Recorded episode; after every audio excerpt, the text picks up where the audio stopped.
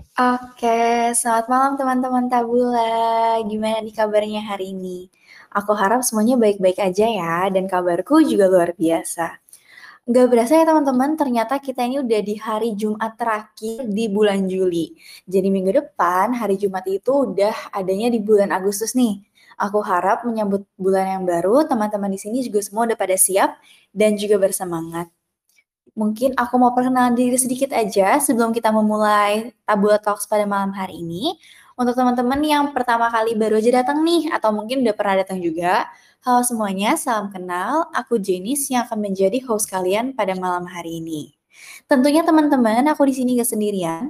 Aku juga ditemani oleh satu narasumber kita yang pastinya keren banget, yang udah siap untuk membawakan topik berjudulkan Pulih dari Sakitnya Putus Cinta. Aku nggak tahu nih dengan teman-teman semuanya, tapi kalau diri aku sendiri sih lumayan relate ya, karena pernah ada pengalaman lah sedikit gitu tentang topik ini. Mungkin aku mau perkenalin dulu, narasumber kita pada malam hari ini adalah Kak Rika Kristina Empathy Psikolog, yang biasa disapa dengan panggilan Kak Rika, yang merupakan seorang psikolog klinis anak remaja, dan keluarga yang juga memiliki minat dalam hal relasi romantis nih teman-teman. Jadi kalau dikaitkan dengan topik bahasan kita malam hari ini, kayaknya udah cukup cocok lah ya.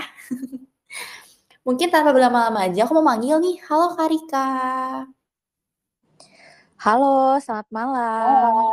Iya, malam Kak. Gimana nih kabarnya malam hari ini? Baik, sehat, bahagia. Uh, baik. Kebetulan Kakak udah makan malam belum, Kak? Ini jam-jamnya makan nih soalnya. Iya, benar. Tapi belum. Nanti abis ini aja karena tadi uh, makan siangnya agak telat.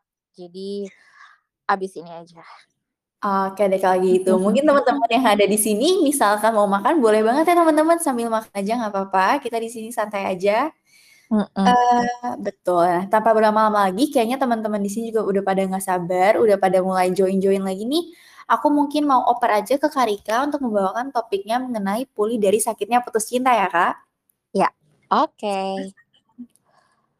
Oke, okay, thank you uh, Jenis untuk pembukaannya. Sekali lagi, selamat malam teman-teman semua. Salam kenal um, buat kalian semua di sini sekarang kita akan ngobrol-ngobrol ya, ngobrol santai, curhat-curhatan bareng boleh, galau-galauan bareng juga boleh. Um, semoga dari apa yang aku sharingin hari ini, meskipun tadi curhat-curhatan, galau-galauan gitu ya, uh, teman-teman bisa belajar satu hal dan yang pastinya selain belajar juga bisa membantu diri teman-teman untuk semakin punya kesejahteraan psikologis yang semakin baik kali ya gitu. Terutama buat beberapa di antara kalian yang mungkin habis putus cinta ya. Mungkin di sini ada banyak uh, sobat galau.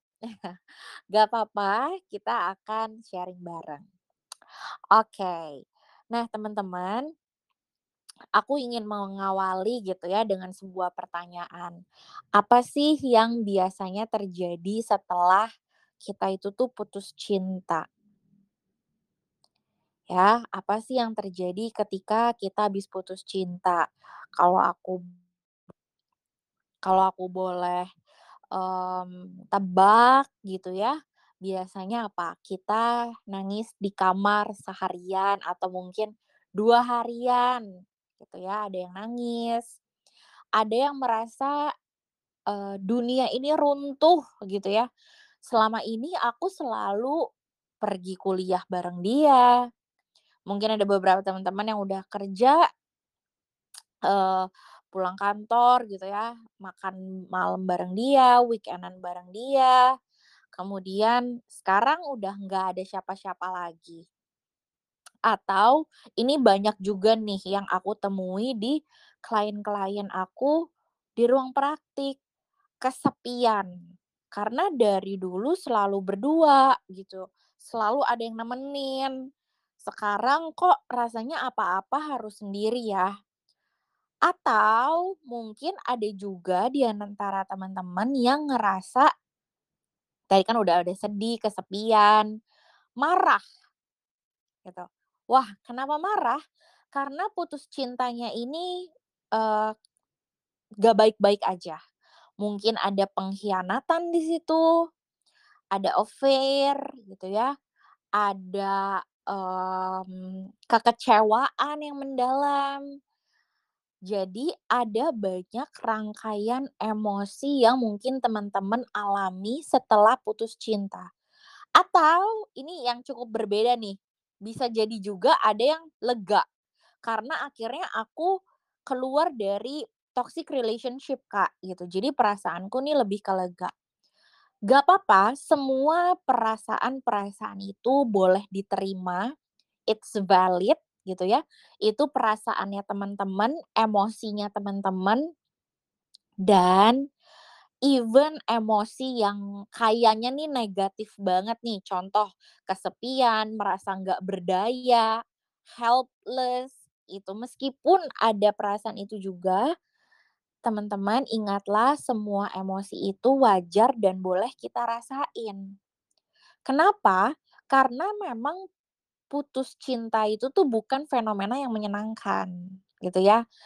Karena kan ada kehilangan di situ, ada perpisahan di situ. Jadi kalau ada banyak emosi-emosi tadi, yuk kita rangkul emosinya. Kita terima dulu nih. Dan nggak harus loh untuk segera move on, segera bangkit lagi, mmm, nggak apa-apa, take your time gitu ya. Meskipun aku setuju kita nggak bisa membiarkan diri kita berlarut-larut juga dalam emosi itu. Nah, kenapa tadi aku bilang emosi itu tuh perlu kita rangkul, perlu kita terima dulu, karena definisi emosi adalah respons tubuh kita terhadap apa yang terjadi di sekitar kita. Jadi sebenarnya emosi itu bisa dibilang respons otomatis gitu ya. Contoh, teman-teman, aku kasih uang seratus juta ke rekening kalian masing-masing. Emosinya most likely apa? Seneng kan gitu, kayak kaget mungkin, bersyukur, ya itu respon tubuh kita karena kita baru dapat hadiah gitu. Kalau misalnya tiba-tiba, eee, ada singa di kamar kalian, ya respon emosinya apa? Takut, cemas, lari gitu ya ke perilakunya.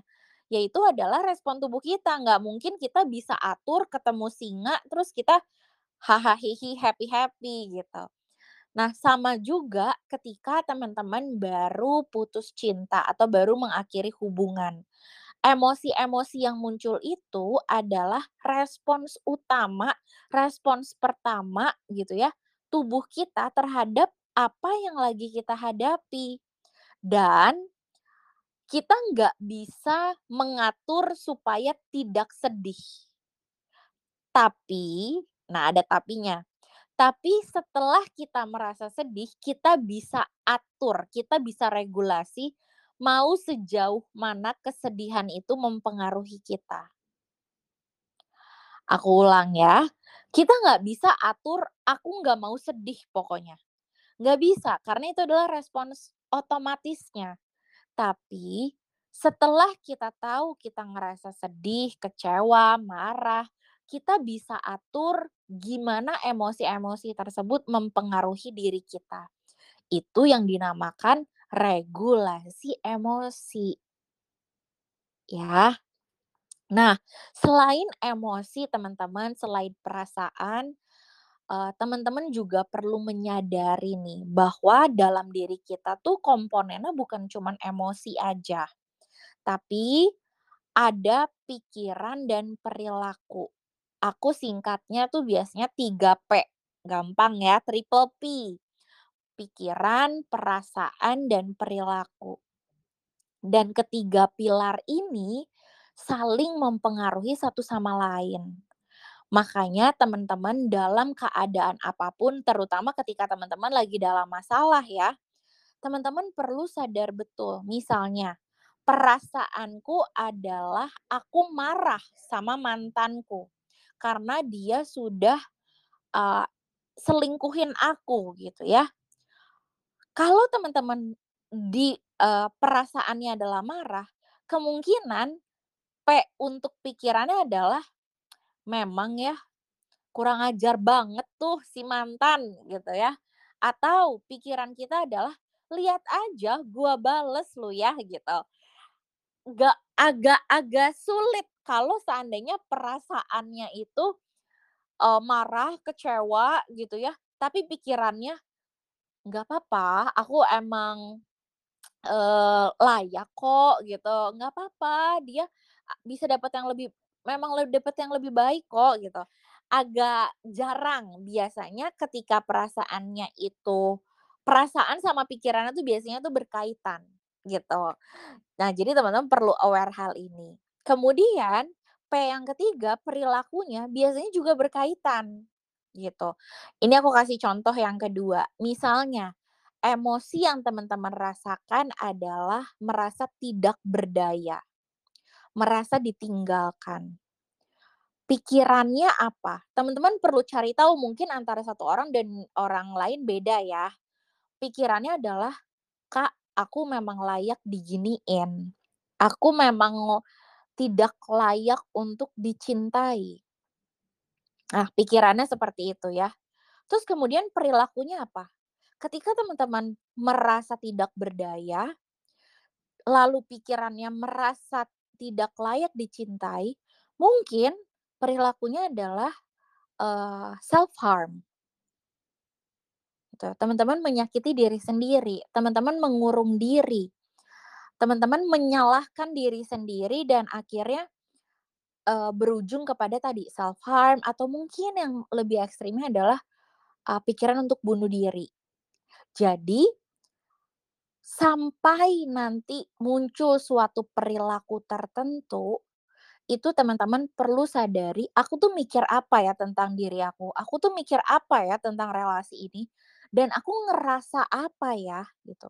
Sama juga ketika kita lagi mau bahas pulih gitu ya. Pulih itu kan, eee, perilakunya apa? Misalnya teman-teman bisa move on. Ketika teman-teman perilakunya mau move on, maka pikiran dan perasaannya juga harus mendukung.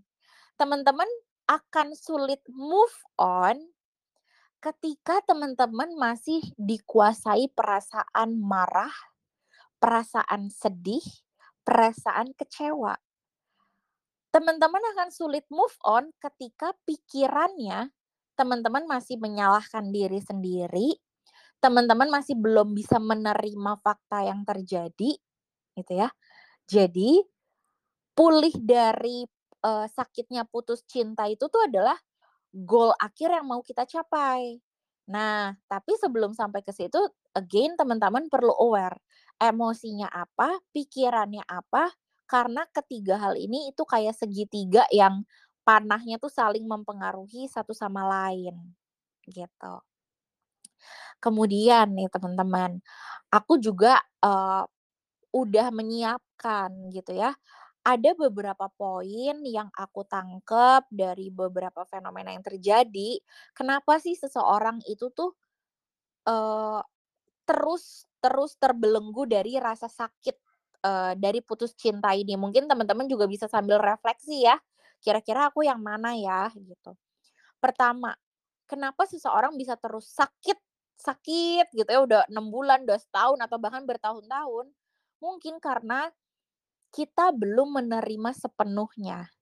Masih ada tuh berandai-andai, "Andai gue dulu lebih perhatian, andai dulu gue mau kalau disuruh apa aja sama mantan gue," gitu ya. "Andai gue lebih, eee, apa ya, lebih pemaaf lagi sama dia," gitu. Atau mungkin marah, "Nggak terima ya gue sekarang dia pacaran sama sahabat gue," gitu. Jadi ada banyak rasa tidak puas di situ, gitu. Contoh ya teman-teman, misalnya di luar hujan, terus kita bilang, "Enggak kok, nggak hujan." "Enggak, nggak hujan," gitu ya. Ya yang ada kita malah basah kuyup gitu, karena kita denial bahwa memang di luar faktanya lagi hujan. Sama juga ketika kita putus cinta memang sakit, memang kita sedih, mungkin relasinya berakhir, tapi yuk kita coba benar-benar sadari dan menerima fakta bahwa, yes she or he is no longer with me, is no longer my partner, gitu. Yang kedua, apa yang membuat seseorang tuh terus-menerus sakit gitu ya? Kalau kalian punya self esteem yang rendah, keberhargaan diri yang rendah. Aku nggak bisa hidup tanpa dia. Aku merasa berharga, merasa lebih dipandang orang lain kalau aku tuh punya pacar, kalau aku punya pasangan. Apa kata orang nanti kalau dia lihat aku jomblo lagi gitu? Atau enggak misalnya pacar kalian itu mantan kalian misalnya ketua BEM gitu ya atau orang-orang yang cukup populer. Mungkin kita meng menggandolkan apa ya, menggantungkan uh, keberhargaan diri kita di hal itu. Jadi waktu hal tersebut hilang, kita merasa sebagian diri kita juga hilang. Padahal seharusnya tidak demikian. Kita akan tetap utuh meskipun partner kita sudah uh, berganti, gitu. Yang ketiga, mungkin ada di antara teman-teman juga yang dibesarkan dengan insecure attachment ya. Insecure attachment itu awal mulanya terbentuk ketika teman-teman bayi dengan uh, pengasuh utama, bisa ayah, bisa ibu, bisa kakek, bisa nenek gitu ya. Kalau teman-teman punya orang tua atau keluarga yang tidak ideal, yang sering mengancam, yang sering bilang nanti mau ditinggalin gitu ya, yang cuek, mungkin teman-teman besar dengan insecure attachment ini. Jadinya teman-teman juga punya insecure attachment dengan pasangan. Takut ditinggalin gitu. Jadi kalau dia pergi teman-teman tuh merasa tadi seluruh dunia teman-teman tuh runtuh karena dulu papa mamaku juga suka bilang kalau kamu nilainya jelek gitu ya papa taruh kamu di panti asuhan gitu atau kalau kamu nakal gitu ya jadi ancaman-ancaman sering ditinggalkan itu tuh udah sering kita dengar dan waktu kita mengalami itu sama pasangan itu tuh kayak ke flashback lagi. Atau ada masalah dalam dependensi atau kebergantungan. Teman-teman dari kecil misalnya selalu bergantung sama orang tua, selalu uh, cenderung dimanja gitu. Jadi waktu sekarang juga rasanya nggak bisa hidup tanpa pasangan. Nah ini bisa aja berawal dari keluarga. Atau yang keempat adalah teman-teman punya kendala dalam regulasi emosi. Teman-teman memang belum diajarkan nih dari kecil gimana ya cara mengelola kesedihan, mengelola kemarahan, mengelola rasa sepi dan sebagainya gitu. Nah, coba deh cek gitu ya. Ini kira-kira dari empat ini aku yang mana ya gitu. Atau mungkin kalau ada hal lain juga boleh karena ini aku tulis empat yang paling sering aku temui gitu. Nah, teman-teman, sekarang pertanyaannya adalah, oke Kak, aku udah tahu nih ya, kira-kira faktor apa yang membuat aku tuh pantesan selama ini tuh selalu gagal move on gitu. Pantesan ya Kak, perilaku aku tuh belum uh, bisa move on karena ternyata pikiran dan perasaan aku pun juga masih negatif gitu. Nah, sekarang gimana sih caranya kita tuh untuk bisa pulih? Pertama, teman-teman perlu menerima sepenuhnya. Ya, menerima bahwa faktanya memang hubungan ini sudah berakhir. Saya bukan lagi miliknya dan dia bukan lagi milik saya. Ketika teman-teman bisa menjiwai gitu ya kalimat ini, maka seharusnya tidak ada lagi perilaku-perilaku masih stalking, hayo siapa yang masih stalking? Atau masih uh, hubungin dia gitu ya, masih ngechat orang tuanya mungkin gitu. Karena perilaku-perilaku itu bisa jadi tanda bahwa teman-teman itu belum menerima ah aku masih chat mamanya lah, mamanya tuh masih baik gitu ya. Tapi buat apa sih kalau kita pikir-pikir lagi bukannya semakin kita chat, kita tuh semakin sulit melepaskan ya, gitu. Atau kalau kita stalking, bukannya semakin kita tahu banyak informasi tentang dia, kita tuh jadi semakin sulit lupa. kita tuh jeli jadi malah semakin keinget-inget, gitu. Jadi, hal-hal yang memang bisa men-trigger ingatan, atau memori, atau rasa sakitnya, coba boleh mulai dikurangi, karena itu juga, eee, sebagai tanda bahwa, oke, kita menerima hubungan ini udah berakhir, aku nggak perlu tuh kasih kado dia lagi kalau dia ulang tahun, aku nggak perlu nanya kabar dia udah makan atau belum, pulangnya dijemput siapa, karena aku sudah menerima fakta bahwa hubungan ini sudah berakhir. Bukan hakku lagi untuk, eee, posesif sama dia, perhatiin dia, dan sebagainya, itu. Ya, jadi kita belajar menerima. Kayak tadi analogi yang aku bilang, kalau di luar hujan ya udah, kita terima fakta bahwa di luar hujan. Kalau di hubungan teman-teman relasi ini sudah berakhir, yuk kita terima juga fakta bahwa, yes, it's totally over, it's totally finish, gitu. Nah, kemudian kalau teman-teman udah belajar menerima, gitu ya, kita juga bisa belajar yang kedua, bersedihlah secukupnya. Ambil waktu yang cukup untuk teman-teman bersedih. Belajarlah menikmati rasa sedih, bukan diusir cepat-cepat. Jadi, aku nggak setuju sebenarnya sama orang yang langsung happy-happy gitu setelah putus. Karena biasanya kesedihannya tuh delay, gitu. Jadi, setelah 1 bulan, eh habis itu dia baru sedih, gitu. Jadi, eee, take your time, dan waktu setiap orang tuh beda-beda.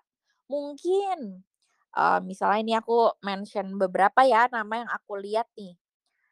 Ada Shania, Shania butuh 1 minggu untuk bersedih, misalnya mau nangis gitu ya, ya silahkan ambil 1 minggu itu. Tapi setelah 1 minggu, coba susun kembali, "Aku mau apa setelah ini?" Gitu. Mungkin beda sama Salsa, Salsa butuh 2 minggu, Kak, atau 1 bulan gitu. Ya it's okay, take your time. Tapi secukupnya, "Kak, aku sedih, tapi sedih aku setahun," gitu. Ya jangan juga gitu, sayang banget nanti 1 tahun kita waktu kita flashback, "Loh kok kayaknya udah terbuang sia-sia ya, ini udah mau tahun baru aja nih, udah mau niup trompet," gitu. Jadi, bersedihlah secukupnya. Kenapa? Karena kecenderungan manusia ketika merasa emosi negatif, itu tuh pengen diusir cepat-cepat, karena pada dasarnya kita tuh nggak nyaman berada dalam situasi yang nggak ideal. Ya. Makanya kalau kita sedih, "Enggak kok, nggak apa-apa nggak apa-apa," gitu. Atau kalau kita sedih, kita buru-buru menyibukkan diri, gitu. Sebenarnya menyibukkan diri nggak apa-apa, tapi jangan lupa emosinya diproses dulu, gitu. Jadi teman-teman, aku ajak teman-teman semua untuk tidak takut untuk merasa sedih, untuk merasa tidak berdaya, gitu ya, ketika memang situasinya tidak ideal. Gitu. Sama juga misalnya buat teman-teman yang baru kehilangan gitu ya, proses berduka. Proses berduka itu nggak perlu diburu-buru, gitu. Jadi ambillah waktu untuk berduka karena memang proses itu perlu dilalui. Nah, yang ketiga, upgrade diri seterusnya. Kalau teman-teman sudah menerima fakta, sudah bersedih secukupnya, yuk kita upgrade diri, gitu. Supaya apa? Supaya teman-teman kembali merasa berdaya. Karena kan tadi kan ada bagian yang hilang dari diri teman-teman ya. Jadi perlu ada sesuatu yang teman-teman isi ke dalam juga, gitu. Jadi, we lose but we gain. Nah, caranya dengan gimana? Dengan meng-upgrade diri, evaluasi hidupmu kembali. "Oh, kayaknya kemarin selama pacaran, aku tuh belum bisa ngomong secara asertif deh." Ya udah, berarti sekarang waktu yang tepat nih untuk belajar asertif, gitu. Fokus pada apa yang bisa diperbaiki dan ditingkatkan. Kemarin aku belum bisa tuh, mmm, apa, resolusi konflik dengan baik. Ya udah sekarang ikut webinar, ikut Tabula Talks gitu ya, tentang hal-hal demikian. Supaya di kehidupan teman-teman berikutnya, di relasi teman-teman berikutnya, ada hal baru yang bisa teman-teman praktekkan dan kalian tidak mengulang kesalahan yang sama. Gitu. Dan pada akhirnya kita bisa bisa sadar, it's not the end yet. Yes, my relationship is over, tapi hidupku tuh enggak. Nah, hal ini ketika teman-teman merasa semakin powerful, merasa semakin berdaya, aku yakin deh, teman-teman pasti akan, eee, lebih pulih, gitu. Oh iya, kemarin aku diselingkuhin tapi aku sekarang udah upgrade diri nih, gitu ya. Misalnya teman-teman memperbaiki penampilan, teman-teman punya relasi pertemanan yang lebih luas, aku yakin itu kepercayaan diri teman-teman tuh akan meningkat, gitu ya, akan meningkat dan teman-teman akan lebih, ya itu tadi, pede, lebih mampu untuk pulih dan memulai sesuatu yang baru. Tapi ingat jangan buru-buru ya, gitu, karena segala sesuatu tuh perlu diproses. Relasi kita itu tidak sama seperti masak mie instan, 2, 3 menit selesai jadi. Tapi emosi teman-teman, rasa sakitnya, upgrade dirinya, it takes time. Jadi jangan buru-buru, supaya kita yakin betul lukanya benar-benar pulih, jadi waktu start sesuatu yang baru, kita tuh nggak bawa, eee, sampah di masa lalu, gitu. Kalau terlalu cepat, aku khawatir masih ada luka di masa lalu yang teman-teman bawa dan itu nanti akan berulang dan, eee, apa ya, proses pemulihannya tuh makin lama, gitu. Itu sekian dari aku. Eee, aku serahin lagi ke Jenice, mungkin kita bisa apa, eee, Q&A?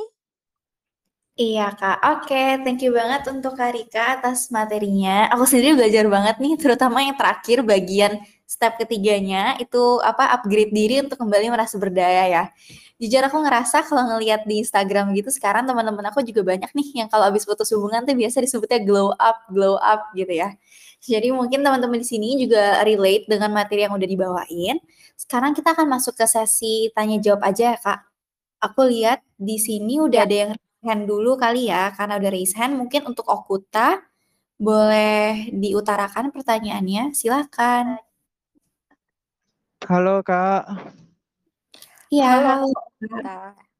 Oke, eee, aku mau nanya nih, Kak, eee, sebagai cowok nih. Kan kita rata-rata biasanya kalau masalah percintaan tuh ada di cewek. Nah, ini aku mau nanya tentang dari sisi pandang si cowok ya. Iya, boleh. Kalau kita misalnya, eee, punya trauma segala macam, kita udah berusaha, eee, meng-upgrade diri lah kasarnya. Terus kita udah berusaha effort, tapi ternyata kalau lawan jenisnya tidak menilai atau tidak terlihat itu, apa kita harus pasangan ini kita harus bawa ke psikolog buat lagi lebih lanjut buat cerita atau gimana, Kak? Terkadang soalnya ada beberapa yang kita udah berusaha nih gitu, tapi ternyata si ceweknya malah agak-agak gimana gitu, ada perasaan yang beda karena mungkin terlihat dia juga punya trauma masa lalu gitu. Oke, baik Kak Okuta, terima kasih atas pertanyaannya. Mungkin Kak Rika bisa bantu jawab? Oke, thank you Okuta. Sebentar, aku coba make share pertanyaannya dulu ya. Jadi misalnya si cowok itu melihat si perempuan ini, ini udah jadi pacar atau belum nih? Eee, udah udah udah jadi pacar, udah jadi pasangan gitu. Udah jadi pasangan, tapi kamu melihat pasangan kamu tuh masih terbawa dari luka atau trauma masa lalu gitu ya? Iya, Kak. Oke oke. Wah, pertanyaan menarik nih. Gimana ya, apa yang harus kita lakukan kalau kita melihat pasangan kita tuh masih punya trauma dari her atau his past relationship? Perlu nggak sih Kak dibawa ke psikolog? Mmm. Satu, teman-teman, kita tuh tidak bisa mengubah orang lain, we cannot change people. Teman-teman boleh ajak gitu ya, teman-teman boleh bantu raise awareness-nya bahwa ini kayaknya ada luka yang perlu kamu sembuhkan deh. Tapi memang itu sifatnya adalah kayak ajakan atau mungkin lebih kepada informasi kali ya gitu. Tapi kita nggak bisa nih bener-bener kayak misalnya, udah pokoknya kamu harus ke psikolog gitu ya, atau misalnya udah aku daftarin deh gitu. Nah itu jangan. Jadi uh, Okuta dan teman-teman sekalian boleh untuk uh, ajak gitu ya. Contoh ya, aku ambil contoh misalnya gini. Misalnya uh, pasangan kita itu masih kalau ngomongin mantannya gitu ya, itu tuh masih tiba-tiba deg-degan, terus tuh kayak marah banget gitu. Terus malah bilang, "Kamu jangan kayak dia ya," gitu.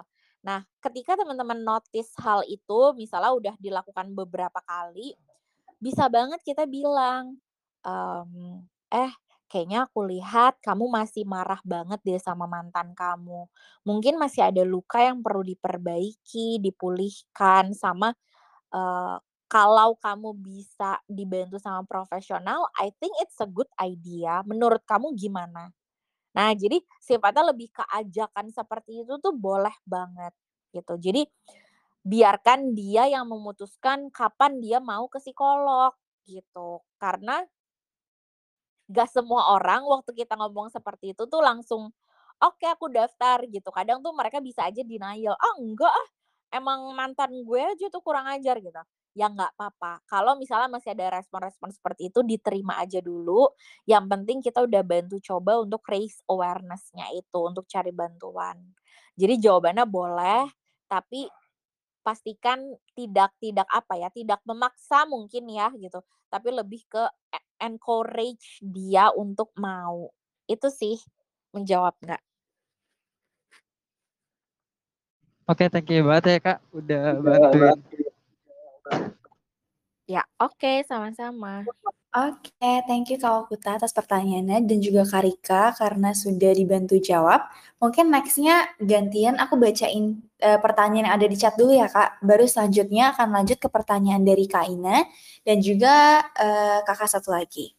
Aku izin bacain ya Kak. Jadi pertanyaannya, Halo Karika, kalau aku ingin pulih dari rasa dendam terhadap pasangan, gimana caranya ya? Karena aku diselingkuhi sama pacar dan rasanya sangat kesal dan ingin membalas. Oke, thank you untuk pertanyaannya. Wah, berat ya. Um, yang pertama mau aku bilang, uh, mungkin masih ada kalau dendam gitu ya, mungkin masih ada rasa marah di situ dan itu sangat bisa dipahami kalau kamu marah karena kamu pernah dikhianati. Tapi yang aku mau sampaikan juga uh, balas dendam itu tidak akan pernah jadi cara yang sehat untuk diri kita. Kenapa?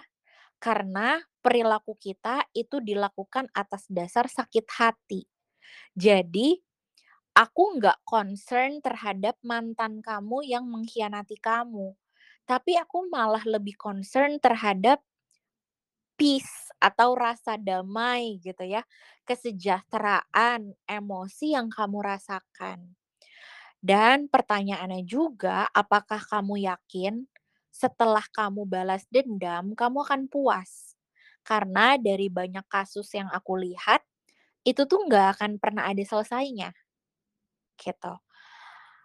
Um, misalnya gitu ya, lihat aja nanti gue akan pamerin cowok gue gitu, atau bisa pamerin cewek gue.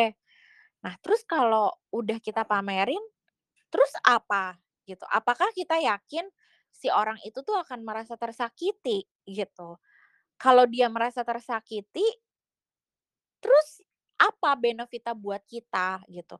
Mungkin kita akan puas tapi yakinlah kepuasan itu tuh hanya sesaat. Dan teman-teman hati-hati juga ketika rasa dendam itu tuh terlalu intens. Ingat ya tadi ya uh, yang 3P itu pikiran, perasaan, perilaku.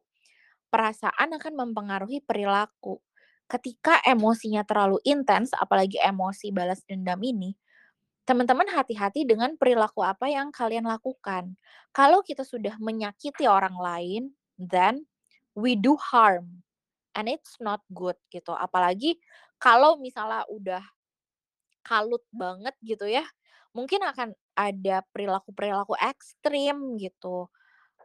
Uh, itu sih yang um, sangat disayangkan gitu. Itu tidak sehat untuk uh, diri kita gitu.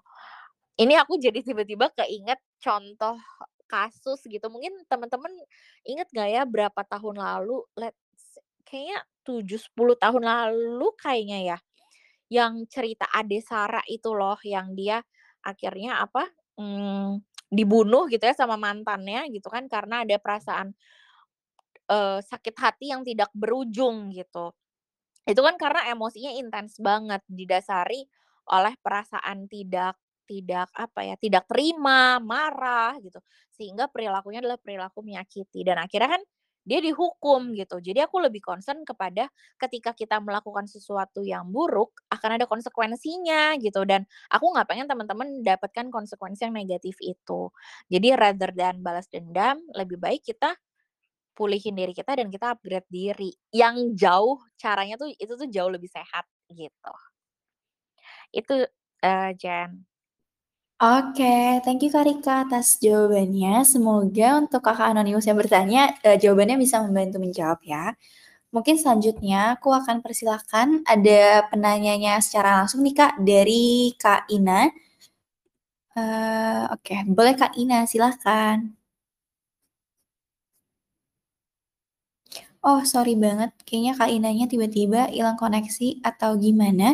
Mungkin bisa next dulu ke Kak Ruru kali ya. Silahkan Kak Ruru.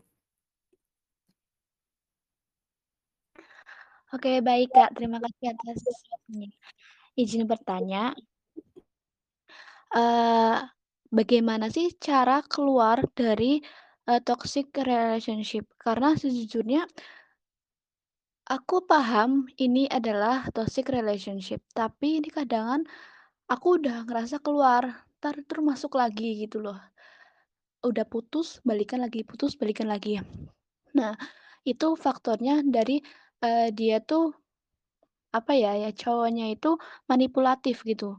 Aku paham dia itu manipulatif gitu, tapi aku tuh sering memakluminya karena dia tuh uh, dia manipulatif karena dia terbentuk oleh pola asuh keluarganya gitu. Jadi sesering aku memaklumi dia manipulatif, jadi diri aku tuh capek gitu. Nah, ada nggak sih bagaimana cara aku itu menghadapi sifat manipulatifnya gitu? Terima kasih. Oke, langsung aku jawab ya. Thank you Ruru untuk keterbukaannya. Hmm,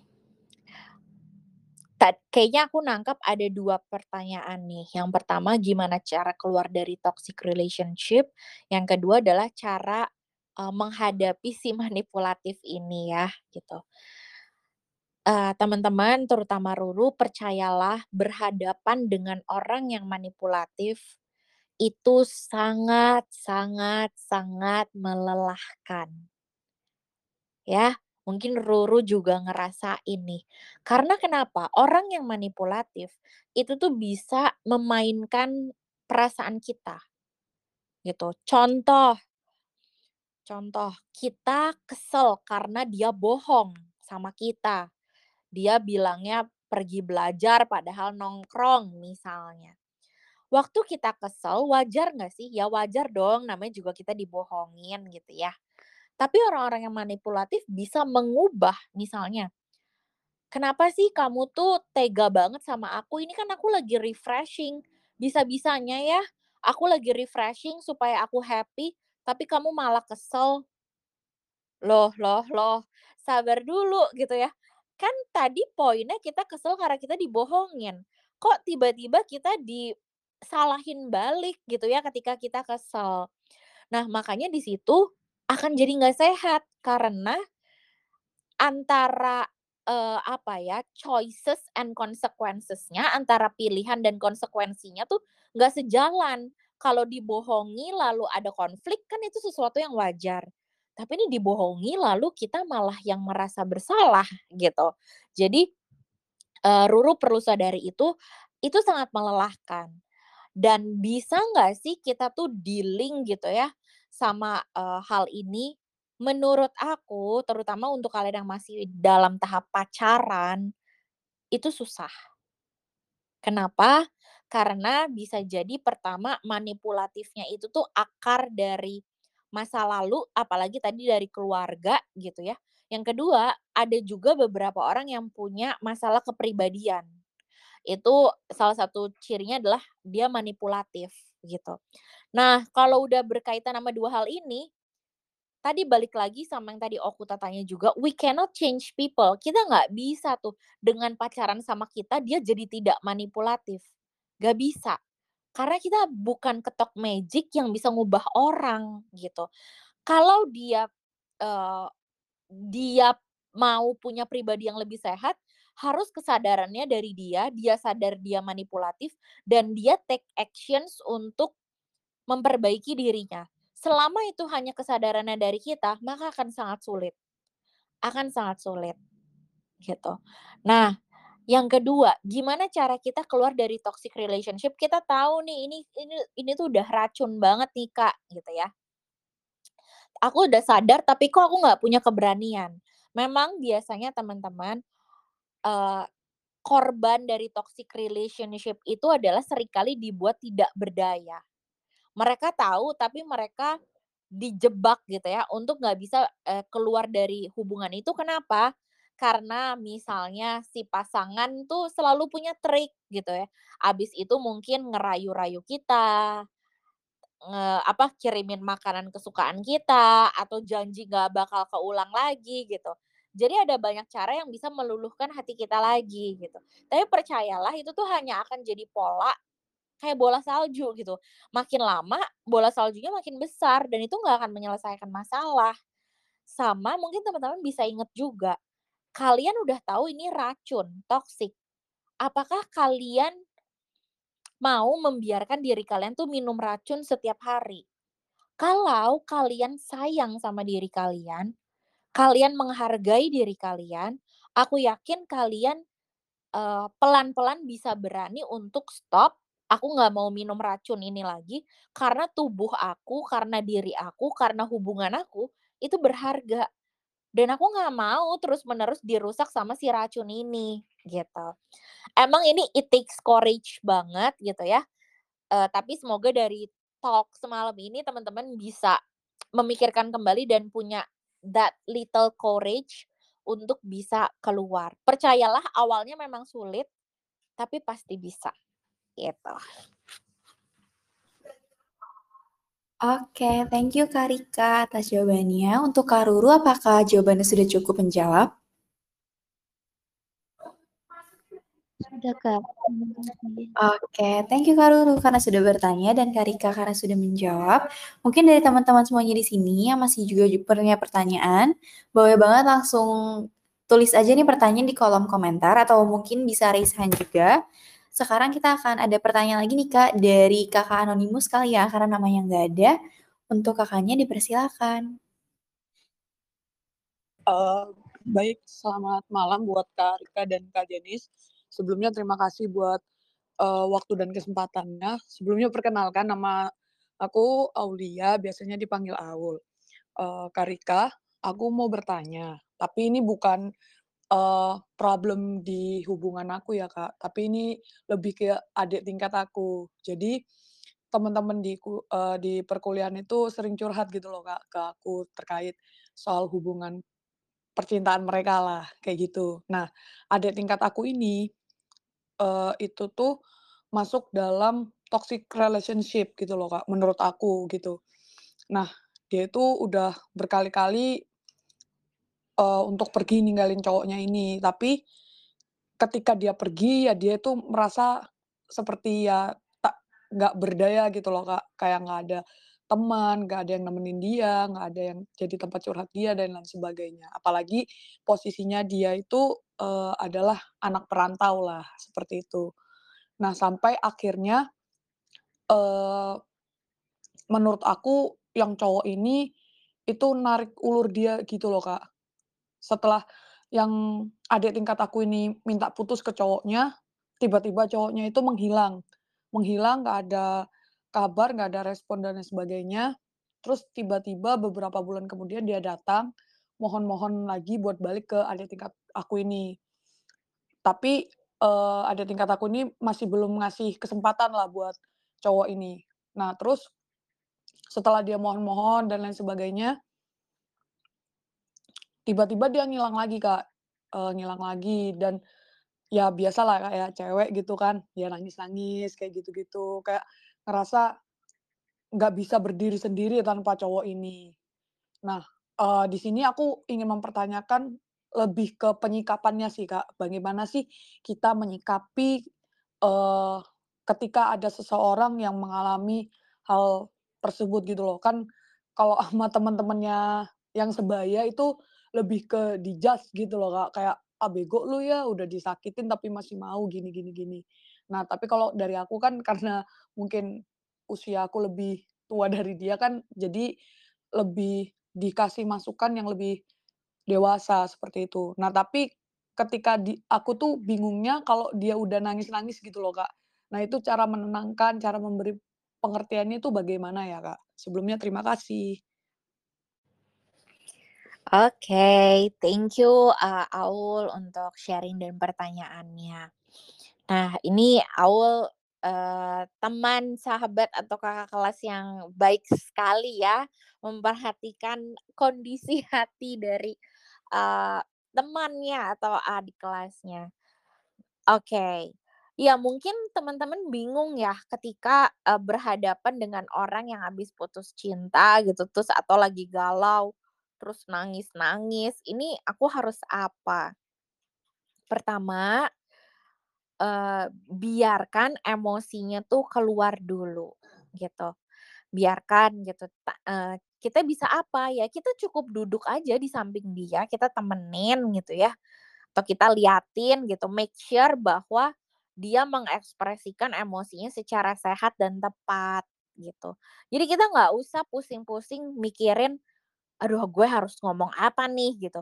Karena biasanya mereka tuh hanya butuh ditemenin. Sama deh kayak misalnya teman-teman lagi galau banget, lagi mau nangis gitu ya, kan kalau ada terus disamperin, terus kita dikasih berbagai nasehat kan mungkin kita juga kesel ya gitu.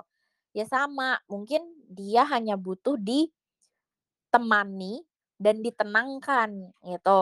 Di ya kita hadir aja, duduk, diem gitu ya, bersedih bersama dia, gitu. Kalau dia sudah lebih tenang, misalnya kita bisa kasih tisu, kita bisa kasih minum.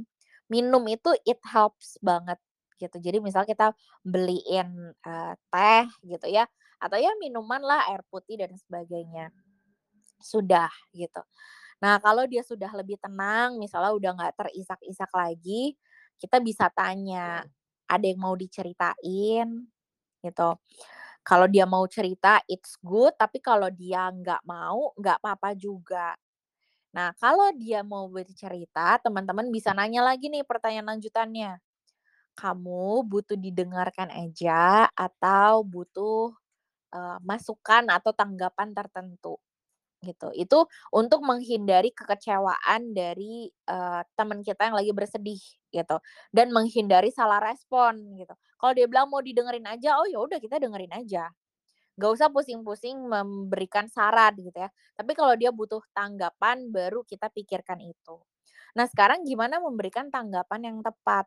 Tadi gitu ya, dia udah tahu nih gitu. Teman-teman ada istilahnya parafrase. Ini agak sedikit keluar konteks tapi nggak apa ya.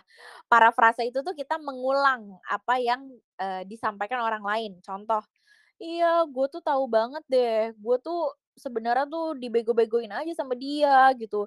Dia hilang pergi hilang pergi, gaslighting gue terus.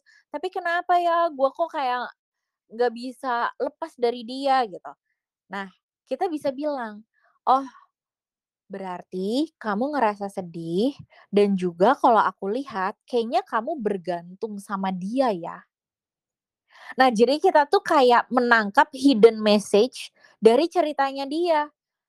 Kita bilang, "Kamu tuh bergantung ya sama dia," gitu. lalu mungkin lawan bicara kita akan mikir, iya ya, kenapa selama ini gue bergantung banget sama nih orang ya gitu. Nah itu pertama bisa hal bisa uh, bisa sampaikan seperti itu caranya. Jadi dari cerita panjang kita rangkum intinya tuh apa. Dan buat dia sadar hal yang mungkin belum disadari. Yang kedua, teman-teman tuh juga bisa lakukan konfrontasi. Tapi konfrontasinya bukan secara heh lo gitu. Bukan. Konfrontasinya tuh misalnya gini. Uh, misalnya dari kalimat tadi ya.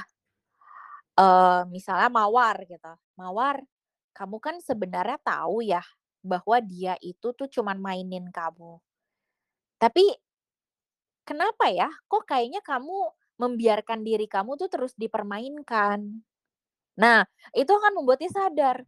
Iya ya, kenapa ya gue membiarkan diri gue terus dipermainin, di gaslighting sama si uh, laki-laki ini gitu. Jadi buatlah lawan bicara kita tuh merasa dipahami dan disadarkan sama hal-hal yang mungkin luput dia sadari. Dia taunya dia nangis-nangis aja, dia taunya dia sulit tinggalin gitu. Tapi mungkin ada hal-hal lain yang tadi, oh ternyata aku tuh bergantung ya oh ternyata aku tuh membiarkan diriku dipermainkan ya gitu. Jadi itu yang mungkin teman-teman uh, bisa lakukan terutama Aul nih untuk merespon um, cerita gitu. Tapi pastikan itu semua disusun dengan kalimat yang sopan, yang lembut, nada bicara yang uh, baik juga gitu. Ya, itu semoga menjawab ya. Oke, thank you Kak Rika atas jawabannya. Untuk Kaul, apakah sudah cukup menjawab? Uh, udah, udah cukup. Terima kasih buat Kak Rika dan Kak Jenis. Oke, thank you juga Kaul. Terima kasih. Mungkin selanjutnya ada pertanyaan lagi ya Kak, dan bisa jadi ini pertanyaan terakhir kita pada malam hari ini dari Kak PDS. Dipersilakan.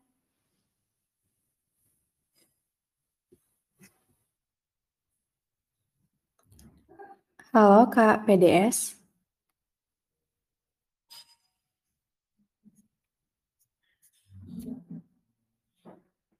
Oke, mungkin dari KPDS kehilangan sinyal atau sedang tidak aktif. Mungkin dari teman-teman lain yang ada di sini yang masih mau melontarkan pertanyaan, boleh banget teman-teman bisa ngomong langsung atau mungkin raise hand aja juga boleh. Atau kalau misalnya mau titip pertanyaan nih ke admin Abu eh, admin Tabula, untuk ditanyakan secara anonimus juga kita masih terbuka. Dari Kak Arika sendiri nih mungkin, aku mau nanya deh Kak, berdasarkan kayak pengalaman pribadi jika memungkinkan, Kakak sendiri ada tips and tricks gak Kak untuk bisa move on dengan lebih gimana ya, lebih baik gitu? Oke, okay. um, buat aku ya, buat mm -hmm. aku pertama adalah um, ini move on akan terjadi dengan lebih smooth, lebih baik, lebih ringan ketika teman-teman itu punya cinta yang cukup buat diri sendiri. Gitu. Jadi bayangkan di setiap diri kita tuh ada tangki cinta ya. Tangki cinta ini tuh bisa diisi sama diri sendiri, sama orang tua, keluarga, sahabat, teman, pasangan gitu. Tapi yang paling penting itu juga diri sendiri. Selama teman-teman sulit mencintai diri sendiri, maka teman-teman akan semakin sulit untuk move on dan pulih. Kenapa? Karena tangki cintanya tuh kosong gitu. Ketika tangki cintanya kosong, teman-teman akan selalu craving, kayak selalu meminta orang lain tuh untuk mengisi tangki itu dan yang paling deket kan pasangan ya gitu. Jadi akan sulit move on tuh. Tapi bayangkan ketika teman-teman tuh bisa menghargai diri teman-teman, bisa punya cinta yang cukup, bisa self care, maka tangki cinta di dalam diri teman-teman tuh akan penuh atau kalau nggak penuh ya hampir penuh lah gitu. Ketika hampir penuh atau penuh, teman-teman akan punya energi, punya daya buat bisa move on.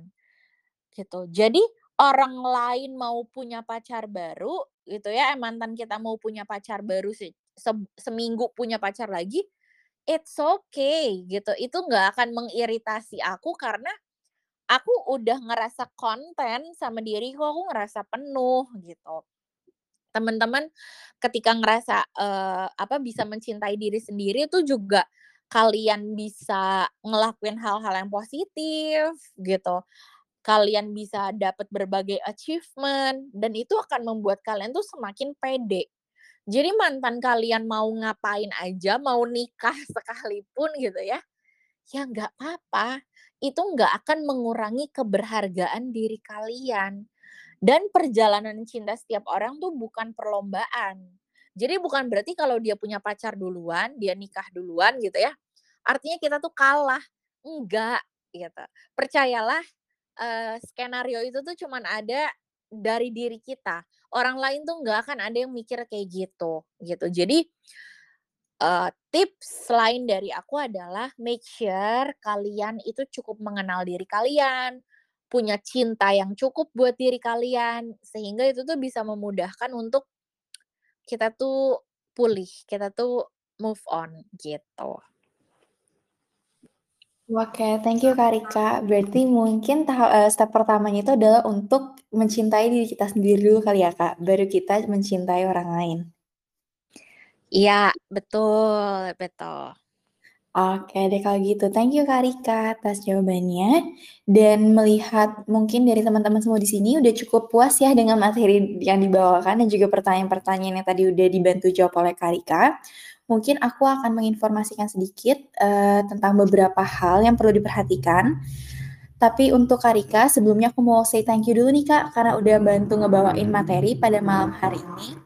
Tentunya materinya itu sangat insightful banget, aku sendiri berdasarkan pengalaman gitu ya, dan mungkin ke depannya kita nggak pernah ada yang tahu, tapi terbantu juga dengan materi yang udah Kak Rika berikan.